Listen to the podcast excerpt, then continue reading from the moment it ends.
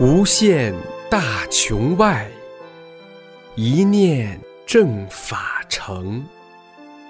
师尊慈悲愿，万物沐春风。请听明慧专题《一师恩》。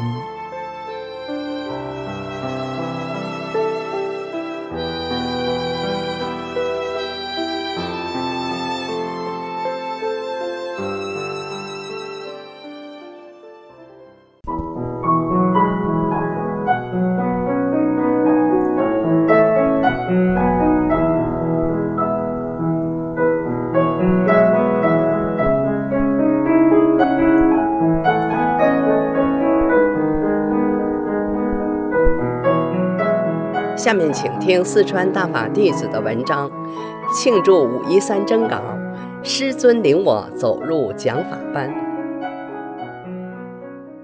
我是一九九四年开始修炼法轮大法的，在庆祝五一三世界法轮大法日之际，叩谢师尊慈悲救度与再造之恩。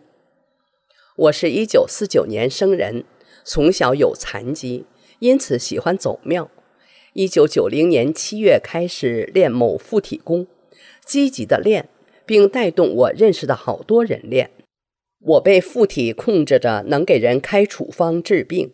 我的处方是：来人要我治什么病，我就写治什么病，如治胃病、治头痛等，还都能治好。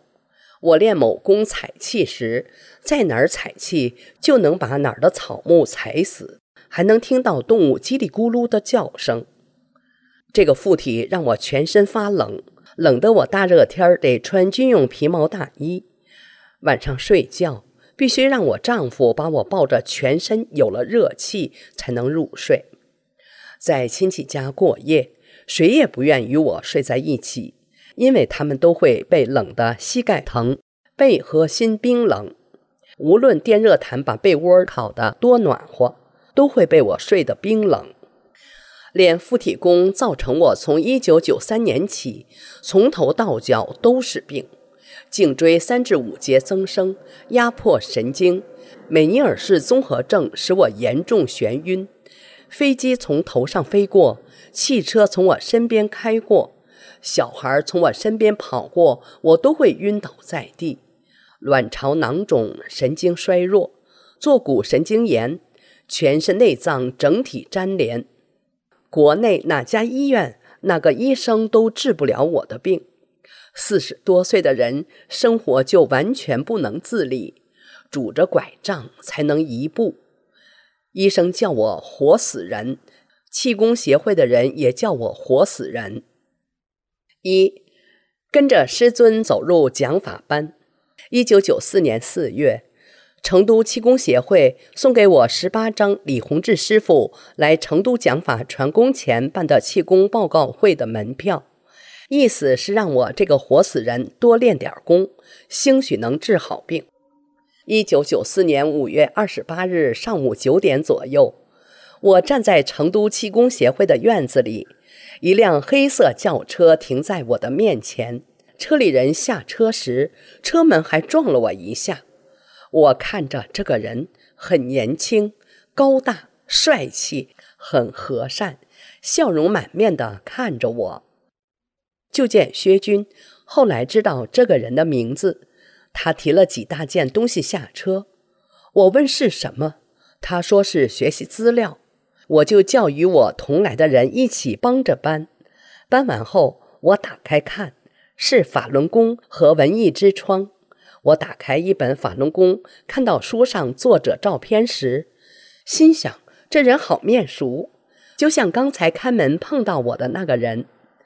大家一看，啊，作者送书来了。当时我们每个人都请了几本。师傅学术报告中间休息时，我就报名参加接下来要办的九天学习班。气功协会的几个领导都阻拦说。学术报告还未结束，效果怎样都不知道，你就报名，荒唐不荒唐？我说，就凭这位师傅刚才指出的现在社会上的那些不正之风、腐败现象，就觉得这位师傅比你们互相尔虞我诈的好，我就要学这个功。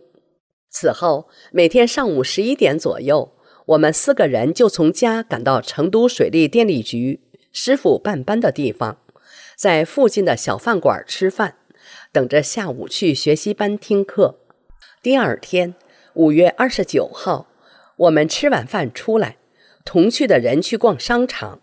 我身上没钱未去，就直接往办班的地方走。走到一个十字路口，突然看到师傅站在我的面前，双臂交叉抱在胸前，看了我几眼，就转身往前走了。我不由自主地跟着师傅走。师傅走几步就停下来，回头看我一眼，又转身往前走，我就又跟着往前走，这样走走停停，我一直跟着师傅走到讲法班的大门口。我看见有好多人在讲法班的院子里练某功，我好久没有练过该功了，就想马上过去练。就这么一想，师傅又看我一眼。我就又自然的跟着师傅一直走进师傅讲法的教室里。下午就开班讲课，师傅第一句话是：“我从来没有办过这么小的班，只有七百多人。”我听了心里很难过，在心里说：“师傅您放心，我一定为您弘法。”师傅接着说。刚才外面那些人练的功是黄鼠狼的动作，我当时就吓出了一身冷汗，真是谢天谢地。幸好我刚才没去练，其实是师傅不让我去练。第二天在十字路口，我又见到师傅，师傅还是双臂交叉抱在胸前，站在我的面前。我不知是哪里错了，就小心翼翼地跟着师傅走。还是像头天一样走走停停，一直跟着师傅走进讲法班的课堂里。第三天也是这样，师傅也是像前两天那样把我领进听课的教室。这时我已下定决心放弃某功，一心一意练法轮功了。就在师傅讲课时，我把头埋在课桌下面。用笔在我的那本法轮功书上打记号，在书的页棱上写“法轮功”三个字。轮字的车旁还没有写完，就听师傅说：“有人在我身上乱写乱画。”我听了，吓得笔都掉到地上了。师傅怎么什么都知道啊？在九天班期间，丈夫每天都来接我。都能畅通无阻的进来，刚好赶上我们学动功，丈夫也参加进来练，师傅还给他纠正练功动作。从那以后，丈夫的胃出血不知不觉的好了。可是气功协会的秘书长一连三次来找我，想叫我去参加另外一个气功学习班，他就是进不来。一次，他哀求门卫说。就只见一分钟，门卫都未让他进来。他告诉我这件事时，我还觉得奇怪，不相信。后来才悟到，这都是师傅在保护我，不许那些附体功毁了我呀。二，与师傅一起照相。九天班结束后，与师傅合影，可天下着雨。我说下雨照相，照片要花的。一个内江的小伙子说：“你放心，我跟师傅三七班，班班都是结束那天下雨，可照的相都没有花。不信，你跟师傅站在一起，我给你照一张。”我刚走到师傅旁边，还未开口，师傅就大声说：“干嘛？”同时一巴掌就打在我的左肩上。后来才知道。师傅呵斥的是在我身上的附体黄鼠狼，并把那个坏东西销毁了。当时我羞得无地自容，双手捂着脸哭了。不知过了多久，有人喊我说：“该我们照相了。”我一听也顾不得哭了，毫不犹豫地跑过去。可是大家都站好了，根本没有我的位置，我只能站在后面了。这时，师傅轻轻拉了我一下，我就很自然地站在师傅身边照了相。所有照片都没花。更神奇的是，十三张照片中，只有我们照片上有一根红色的弓柱。万分可惜的是，这张无比珍贵的照片后来被中共六一零抢走了。三，得大法后身心的变化。九四年五月二十八日那天，是丈夫扶着我走的。上车时，两人在车上往上拽我。两人在车下往下抬，我才上了车。可下午回家时，上车不用人拽抬了。听课的第四天，我这个切除了卵巢的人就来了例假。九天班结束后的一天下午，我看见我的睡床的三个边沿往上冒火和烟，一丈多高。当晚睡觉时热得不行。毛毯、电热毯、皮毛大衣全都取下来，还觉得很暖和。丈夫说：“你把这些都取了，你不冷，你能睡得着？”我说：“能啊。”不久，儿媳生了孩子，躺在床上不能动，可是炉子上的水开了，孩子又在哭，家里又没有其他人，怎么办呀？情急之中，我一手抱着婴儿，一手提着水壶往暖瓶里灌水。灌完水后，我才醒过神来。我这个生活完全不能自理的人，居然能干这些事了。我没病了，是个健康的人了，我什么都能干了。师傅让我重生了。一九九五年五月。召开庆祝师傅来成都讲法一周年大会，我第二个发言，我在台上激动的喊：“法轮功万岁！我一定要弘法。”我哭，台下的人们落泪，气功协会的人也哭，成都法轮功辅导站站长也哭了。修大法前，我因被附体祸害，病魔缠身，生活完全不能自理，活得十分艰难，看不到生命的一丝希望。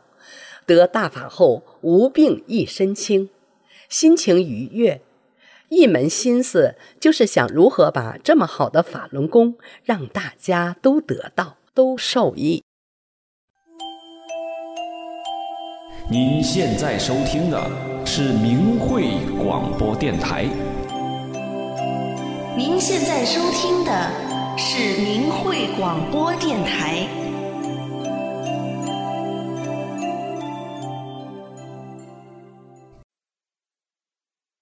请听明慧忆师恩文章，题目是回忆法轮大法首届国际法会在北京举行的盛况。加拿大多伦多大法弟子整理。文章发表于明慧网，二零一七年五月八日。我们伟大慈悲的师父，在一九九二年至一九九四年，在北京举办了十三期传法教功面授班，参加人数达一万三千四百人次，还带领部分弟子参加了一九九二年和一九九三年北京东方健康博览会，举行过多次报告会。当时，北京的学员与日俱增，练功点从城市到乡村，如雨后春笋般建立起来。由法轮功研究会安排，在北京进行了三次较大型的国际法会交流会。让我们回忆法轮大法首届国际法会——一九九六年十一月在北京举行的盛况。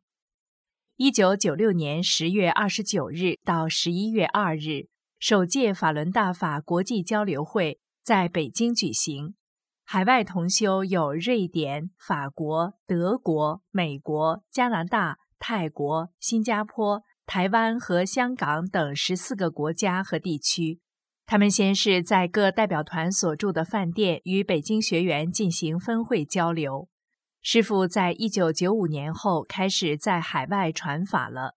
师傅曾告诉法轮大法研究会和北京辅导总站，以后海外的学员要到北京来，你们先得法，要把你们的修炼体会和他们交流。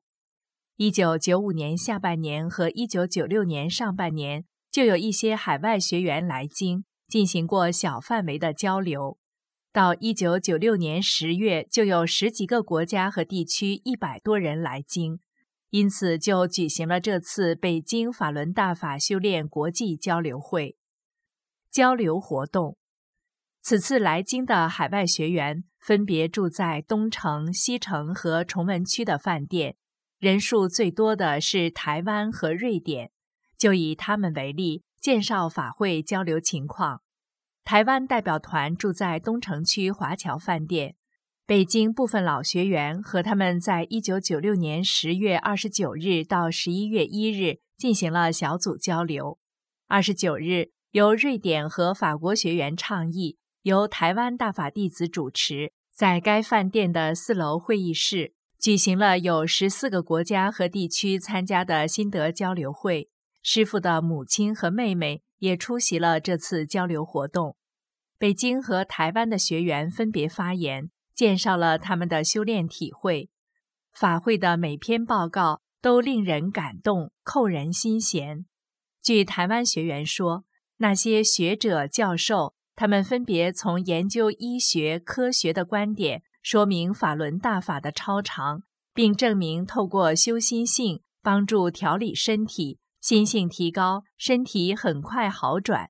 修与练相辅相成，修炼才能消业，挖掉病根。根本上就要做到真正实修。这些切身经历、体会的宝贵心得，也影响着日后台湾众多高级知识分子加入修炼的行列。一九九六年十月三十日早六点，海内外大法弟子开车去北京西郊的戒台寺。约四百人集体练功，师傅曾去过戒台寺，并清理过场。据开天目的同修说，他们走进大雄宝殿，师傅的法身即从如来佛像走出来，笑眯眯地迎接他的弟子们。在这空气新鲜、风景优美的古庙空地上练五套功法，两个小时虽有些寒冷，但大家都精力充沛，聚精会神。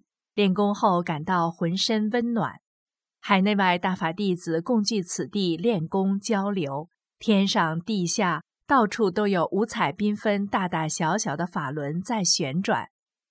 练功后，大家分小组在草地上打坐，围成一圈一圈交流心得体会。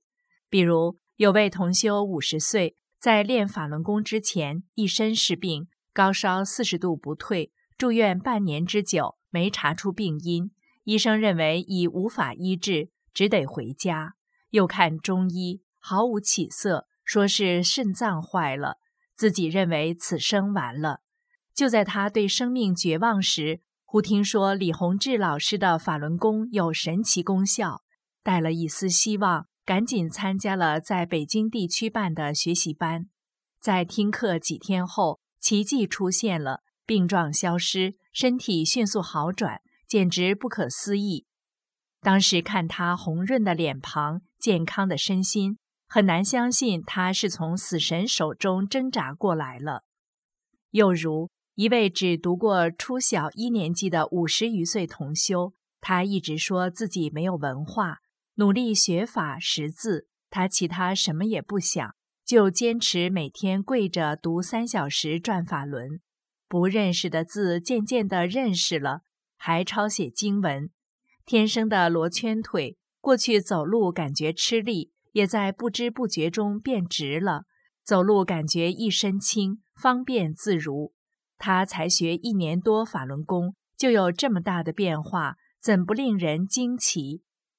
记得在十月三十一日，按照大法研究会的要求，北京辅导站安排在西郊红塔礼堂。举行了一个由中外大法弟子参加的两千余人的学法心得交流会。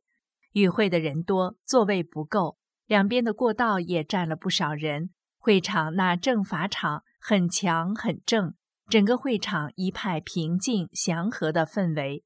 有十多个人发言，北京大法弟子畅谈了他们通读转法轮、向内找、修心性、集体练功和弘法的切身体会。美国大法弟子杨森谈了他得法的经历和学法实修的过程。瑞典的西人大法弟子大龙谈了师尊在瑞典传法和他们纷纷得法的故事。天幕开的大法弟子看到舞台背景有玉宇楼阁，会场空中飞舞着像雪花一样的法轮，交流会效果非常好。红塔礼堂的工作人员。原来担心这么多人租他们的场地开会，会后地上不知会脏乱到什么程度。因为以前常人租他们的礼堂，人虽不多，但嗑瓜子、吃水果、抽烟的不少。会后一片狼藉，但是大法弟子的交流会中一片肃静，大家认真的、静静的听讲。散会后，大家有秩序的走出会场，场内干净如初。他们很有感慨地说：“万万没想到，这么多人修养这么好，从来没见过啊！”到同修家交流，这是另一种交流方式，使彼此间更为接近。台湾团分十组，每组三人，分派到一位北京同修家。台湾同修提出了一些问题，北京学员就用自己的修炼体会互相切磋。每个人也都有一段不平顺的历程，经过修炼大法的磨练，思想境界提高了，体格变强壮了，过去的疑难病在无形中消失无踪，尤其心性转变，人生观、世界观都发生了根本的变化。北京的学法小组经常在一起学法、练功、交流，心性也不断的升华。北京同修客厅内挂的。精进要旨悟中的奋力精进，直至圆满的境况，就是提醒每一位修炼者不能懈怠，修炼要勇猛精进。有的北京同修家还设有佛堂，墙上挂着师尊穿着金色练功服的法像，每天都要向师傅敬香。海外大法弟子看见后，都纷纷双手合十，向师傅致敬。北京不少学员都能做到每天读转法轮两讲或更多，练五套功法两小时，还在练功点或单位或在亲朋好友中广泛弘法，让更多的有缘人修炼法轮功。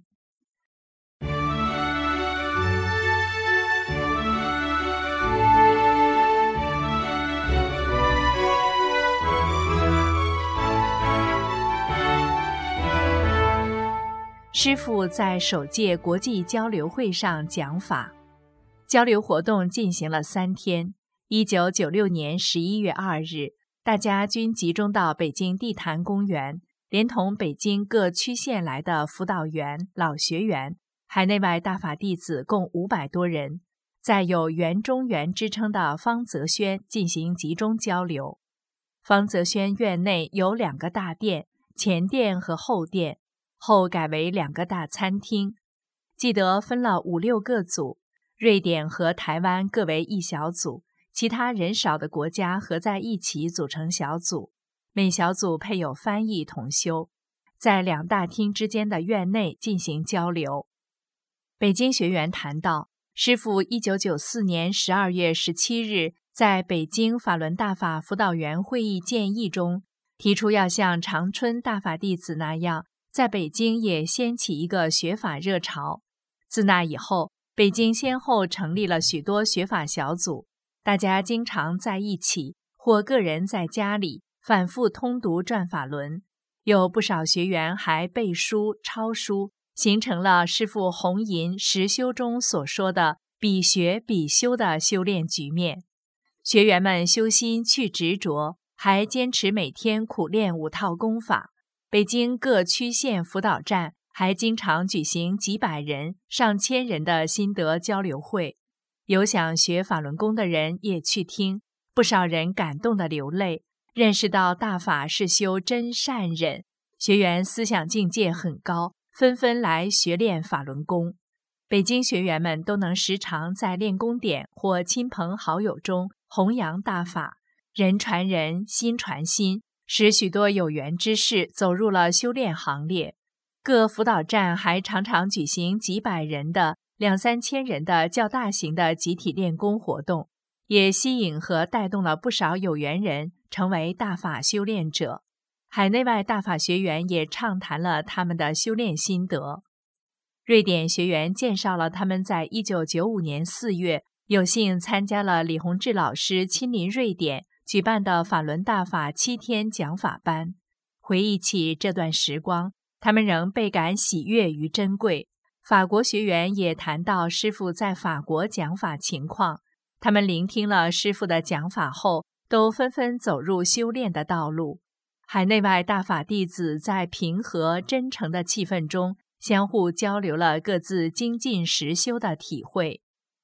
一九九六年十一月二日那天，晴空万里，风和日丽，大家交流到了傍晚，夕阳更是灿烂多彩。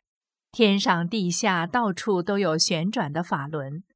大约到晚上六点，学员们都在前后厅进餐，A A 制。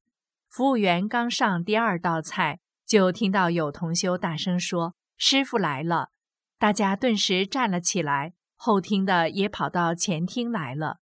原来师傅乘飞机从美国到北京，刚下飞机，饭都没吃就赶到方泽轩了。师傅挥手，亲切地向大家说：“大家先吃饭，吃完饭我给大家说话。”师傅又到后厅和大家见面，后厅顿时沸腾了，大家欢喜激动的心情难以言表。师傅向大家挥手说：“大家先吃饭吧，我在这儿大家都吃不下饭了，等你们吃完饭我再来。”师傅出去了，在外边看望正在练功的小弟子。有的学员不吃饭了，到外边要见师傅，师傅就坐在车里等待。还有的学员吃饭时告诉服务员别上菜了，赶快吃完，要去见师傅。前厅的大法弟子很快吃完饭，齐心协力地把饭桌搬到厅后和厅旁，厅内安上整齐的凳子，让海外大法弟子坐着，北京大法弟子就站在大厅两旁和后面。师傅进场后，全场热烈鼓掌，聆听师尊讲法。师傅站着讲法，学员们怀着万分激动的心情，聚精会神地听讲。讲法中，一研究会工作人员两次提醒大家，师傅还没吃饭，要请师傅结束讲话去吃饭。师傅推辞了，坚持给大家讲法，说以后可能没机会了。师傅在讲法中告诉弟子们，《转法轮》这本书的内涵非常大。你只要去学，你身体就在变；你只要去看，你的思想就在升华；你只要去修，你就能在不同境界中得到不同境界中的状态。如果能看到最后，那么你就能在这本书指导下圆满。见各地讲法一，北京国际交流会讲法。转法轮已经是写的相当相当高了。那么在后来的一个时期，我又讲了一些东西，将来也要整理出文字来。但是我告诉大家，真正使大家能够修炼的，就是转法轮，而其他不管出多少书，都是转法轮的辅助。所以大家修炼一定要把住转法轮这本书去修。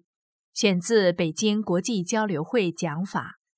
全体学员聚精会神地听着，心里十分明确：以后一定要把住《转法轮》这本书去修。师傅还讲到另外空间，把弟子们的思路引导到无量无际的微观世界和宏观世界。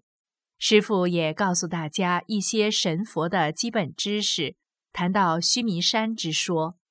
过去在修炼法轮大法之前。我们有些学员也曾学过一些佛教的知识，有些佛教徒认为，须弥山周围东南西北有四大部洲，其南面的南赡部洲可能是指印度一带，东胜神州可能是指中国，因为中国历史上称神州。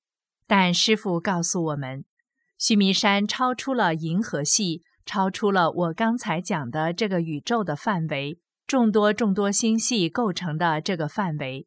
须弥山超出了这个宇宙，在第二层宇宙的中心位置，就这么大的山。其实须弥山是三座连在一起的大山，而对应这三座山的，就是阿弥陀佛、观音菩萨、大势至菩萨。阿弥陀佛是这一境界的第一位佛。见北京国际交流会讲法，哇，如此宏大，如此遥远。看来末节时期的佛教对佛法的领悟，连小儿科还不如啊！当时有学员问师傅是谁，师傅说：“讲起我的故事来呀，实在实在太长了。我经过了层层宇宙不同天体的下走，层层转生，在人世中分体转生，一世中都有很多我，庞杂的无从说起。”我可以非常简单的告诉大家，我看我是在一切天体宇宙之外，而众神佛与众生都在其内。选自北京国际交流会讲法。我们当时听到，大家都在心想：我们师父太伟大了，高深莫测，是人甚至是许多很高层次的神也想象不到的，更是人的语言表达不了的。师父告诉弟子们的是千百年来都听不到的天机啊！师父说，天上的佛，比如你们所知道的如来、菩萨，其实都不是一个，大约在十年或者不超过十年就得换一个。现在的阿弥陀佛也不是最早的那个了，观音菩萨也不是最早的那个。为什么呢？因为人类三界太复杂了。他们又离三界太近，下面不好的东西直接能干扰到他们。天上有个规定，在一定层次中的，不管是什么神，到了一定时候都得换，目的是为了保护他们，不让其掉下去。选自各地讲法一，北京国际交流会讲法。师父还谈到弥勒佛、未来佛，释迦牟尼佛讲过一句话。将来多少多少年后，那时弥勒佛要来，我是在这个时间来了，但我不是弥勒佛这个层次的。天体中的神都知道我以佛法佛像来救度各界众生来了，他们也认定弥勒来了，弥勒佛也把他所承传的东西都给了我。选自北京国际交流会讲法，我们听到都感到震惊。知道了，师父下世传宇宙大法的因由，是要法正乾坤，普度各界众生。师父讲了许多过去我们想象不到、也不可能知道的天机，最后告诫我们：大法流传过程经历了风风雨雨，是相当不容易的。这是正法，必然会遇到干扰，因为正的一出现，一切不正的。与不够正的都被触及了，顺顺当当的传下来的一定是符合了邪的东西，所以没有麻烦，没有磨难中的正念正行，就没有他给世人留下的参照和威德。将来我们碰到什么困难，大家都要正确认识。选自北京国际交流会讲法，师父警示我们：将来碰到什么困难磨难。都要正确认识，正念正行。后来，一九九九年七月，中共协党发动对法轮功的残酷迫害，至今已迫害十八年了，证实了师傅的预见。许多大法弟子也都能在这样严酷的磨难中正念正行，跟随师傅走过来了。当时我们能听到师傅讲的如此高深的宇宙法理，深感震撼。真是千载难逢，万古机缘啊！那天师傅讲完法后，即往外走，同时和拥过去的弟子一一握手。同修们热泪盈眶，都沉浸在无比幸福之中，纷纷谈论聆听师尊讲法的切身感受和体会。现在回想当时师尊亲临法会现场，同海内外大法弟子讲法的神圣情景，仍历历在目。这成为我们生命中永恒的、无比珍贵而美好的回忆。伟大慈悲的师尊带领我们经历了千难万险，走过了二十五年的艰苦历程，现在已到了正法的最后阶段。我们一定牢记师父的教诲，做好三件事，更广泛、更深入地讲真相，救度更多世人，兑现誓约。精进实修，直至圆满。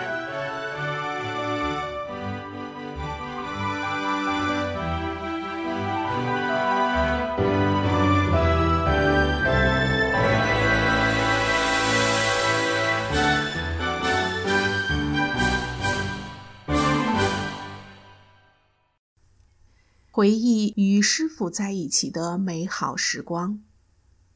师傅在齐齐哈尔传法。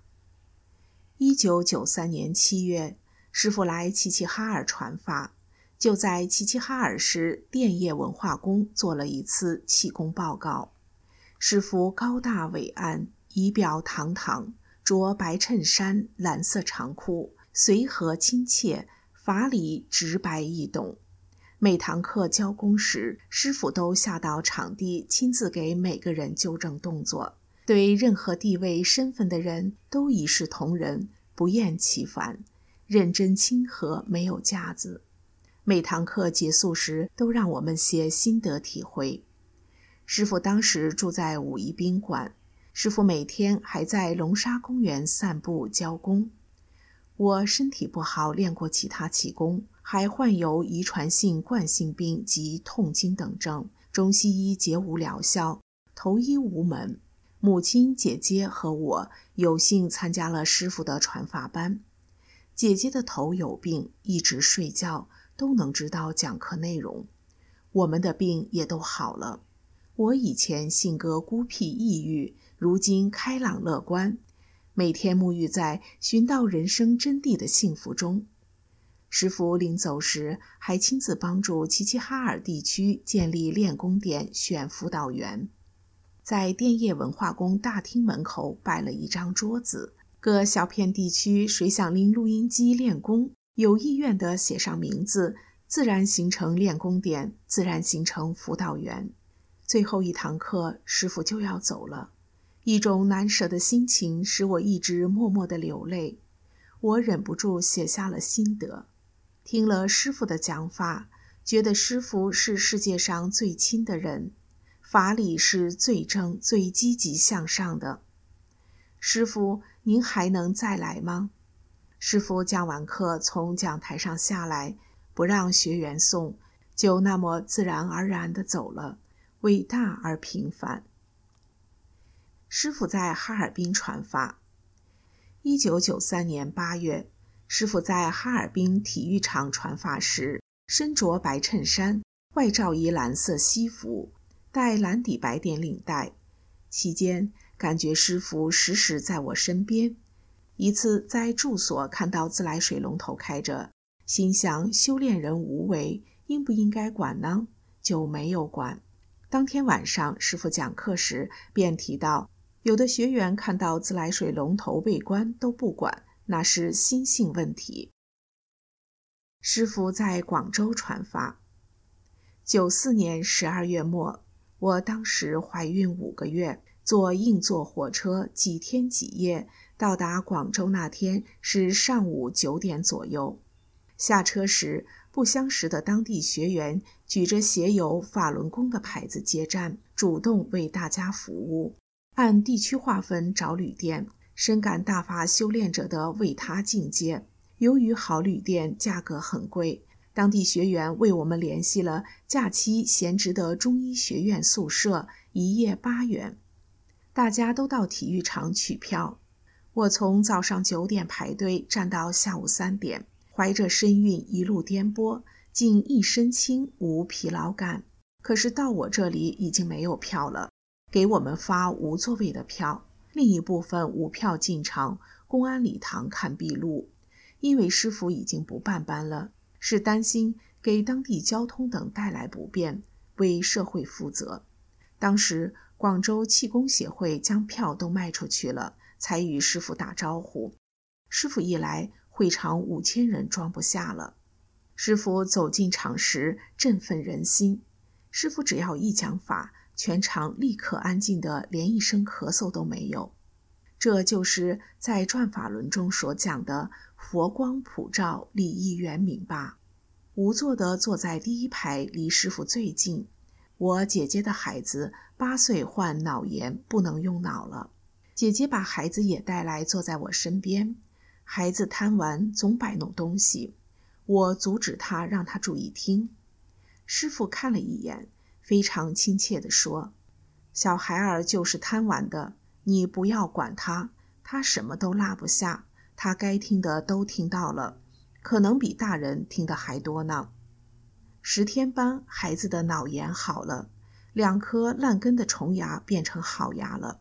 如今，这个孩子在社会工作中头脑超常，在常人社会的大染缸中用法约束自己，品行优秀。我当时怀孕，经济上很紧张，丈夫不同意我去广州。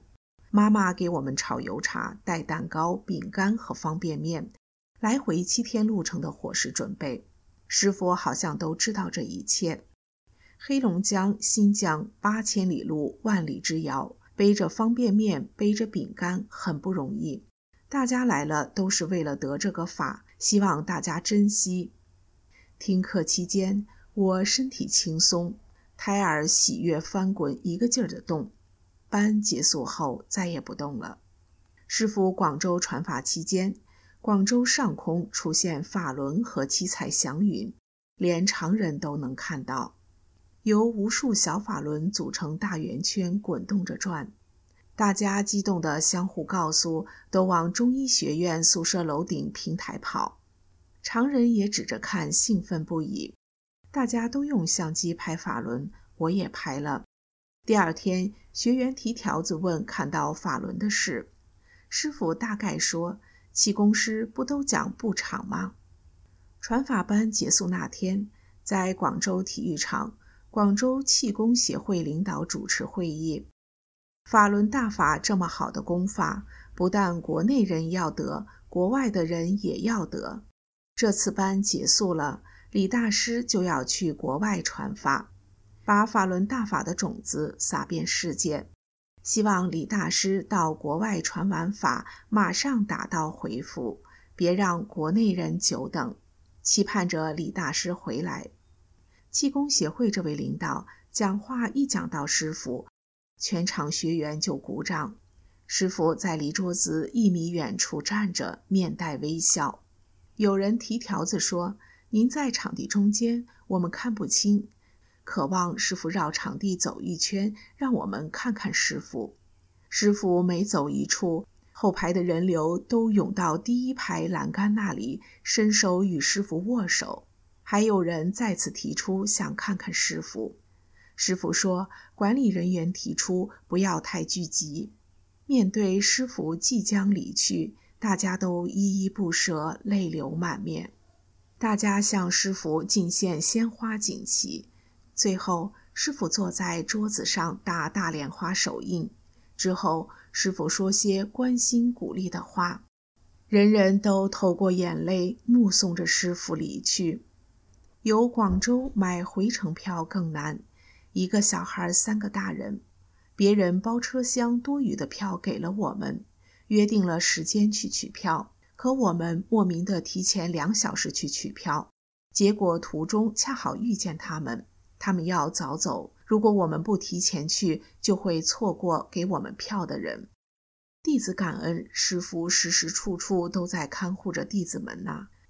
在师傅布下的祥和安宁的场中，内心平和空静，处于什么都想不起来的神的状态。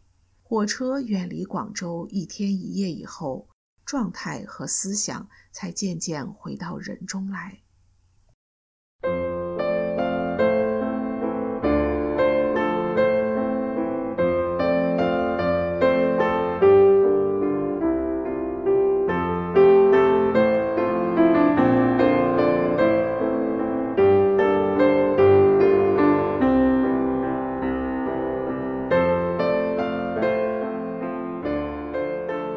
请听明慧忆师恩专题文章，题目是《我是这样得法的》，作者大陆大法弟子松涛。文章发表于明慧网，二零一六年十一月十日。我今年七十一岁了，在大法中修炼了二十三个年头，跟头把式的走到了今天。当年师傅传法时曾讲过，有的学员一边听课，还一边骂着我。我就是其中的一个，现在回想起来，真是羞愧的无地自容。那是一九九四年四月末，我正住院治疗，当时我病得很重，有心脏病、胃病、结肠炎、脑血管痉挛等等，经常住院抢救。我脑袋左后侧又长了一个包，有小鸡蛋那么大，但不能手术，只能维持。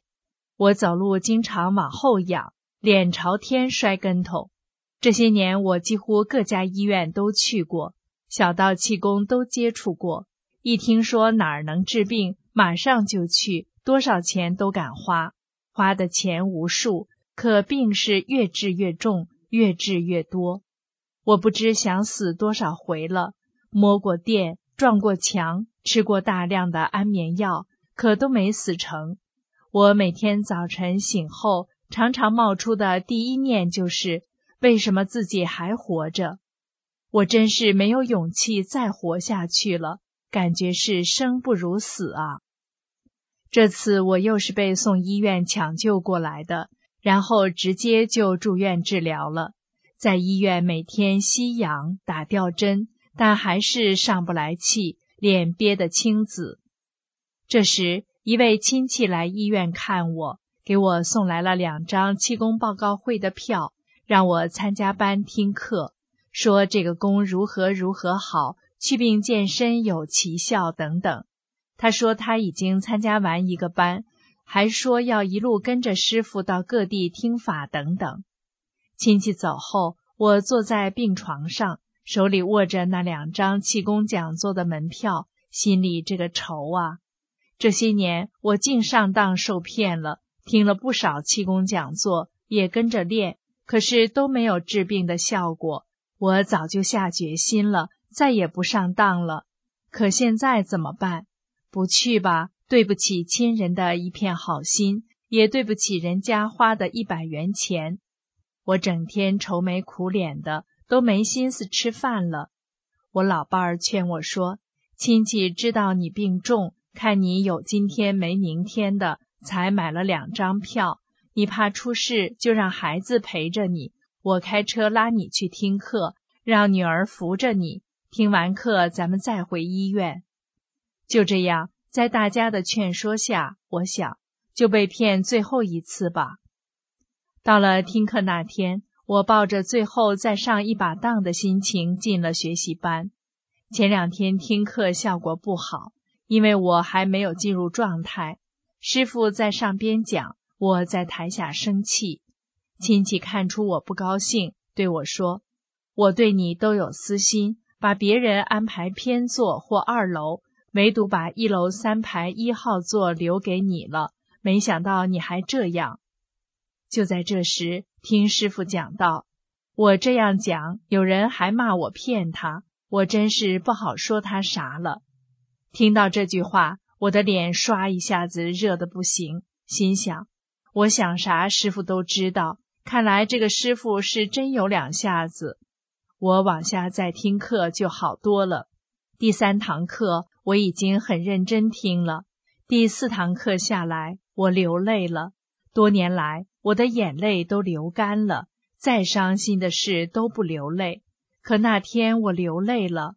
我完完全全被师傅的法理征服了。师傅说：“你的病由我直接给你去的，病根已经摘掉了。我从来没有听过哪个气功师敢这样讲，能这样讲。这下我可找到师傅了。我流着泪，心里下定决心，我要修大法，我就是大法弟子。大法弟子没有病。我决定回家，再也不回医院了。老伴儿和孩子都不同意，说才四天时间，能行吗？不怕出现危险吗？但我自己主意已定。非常坚决，我告诉他们说：“我决心已下，不能更改。我如果真的死了，我乐意。”就这样，我放下了生死。第四节课后，我就直接回家了。到家楼下，我对家人说：“你们谁也别扶我，我自己上楼。我是大法弟子，已经没有病了，病根师傅已经给摘掉了。”就这一念。我竟然自己上到了七楼，心里这个高兴啊！打开房门后，我迟迟不进屋。老伴说：“都到家了，咋不进去呢？”我说：“这家咋变样了？不是原来的样子了。看那家具像积木一样小的可怜，摆在那儿就像小孩玩具似的。”进屋后，我不知不觉的垫步跳了两三步。我问老伴儿说。刚才我跳了吗？老伴儿说跳了。我心里这个幸福啊！我终于找到了没病的感觉了。可我老伴儿和孩子却担心极了，盯着我的一举一动，生怕我出啥事。这一夜我过得很好。第二天早晨，我对老伴儿说：“今天就给我办出院吧。”同时，我把所有的药收拾了两大包。送到了垃圾站，心里和他们说拜拜了。我每天心情愉快的去听课，十节课结束了，心里真不愿离开师傅呀。从此，我走上了大法修炼道路，每天参加集体学法练功。我的生命是师傅给的，我要勇猛精进，不管遇到多大的痛苦磨难。也要走完师傅给我安排的修炼全过程，跟随师傅回家。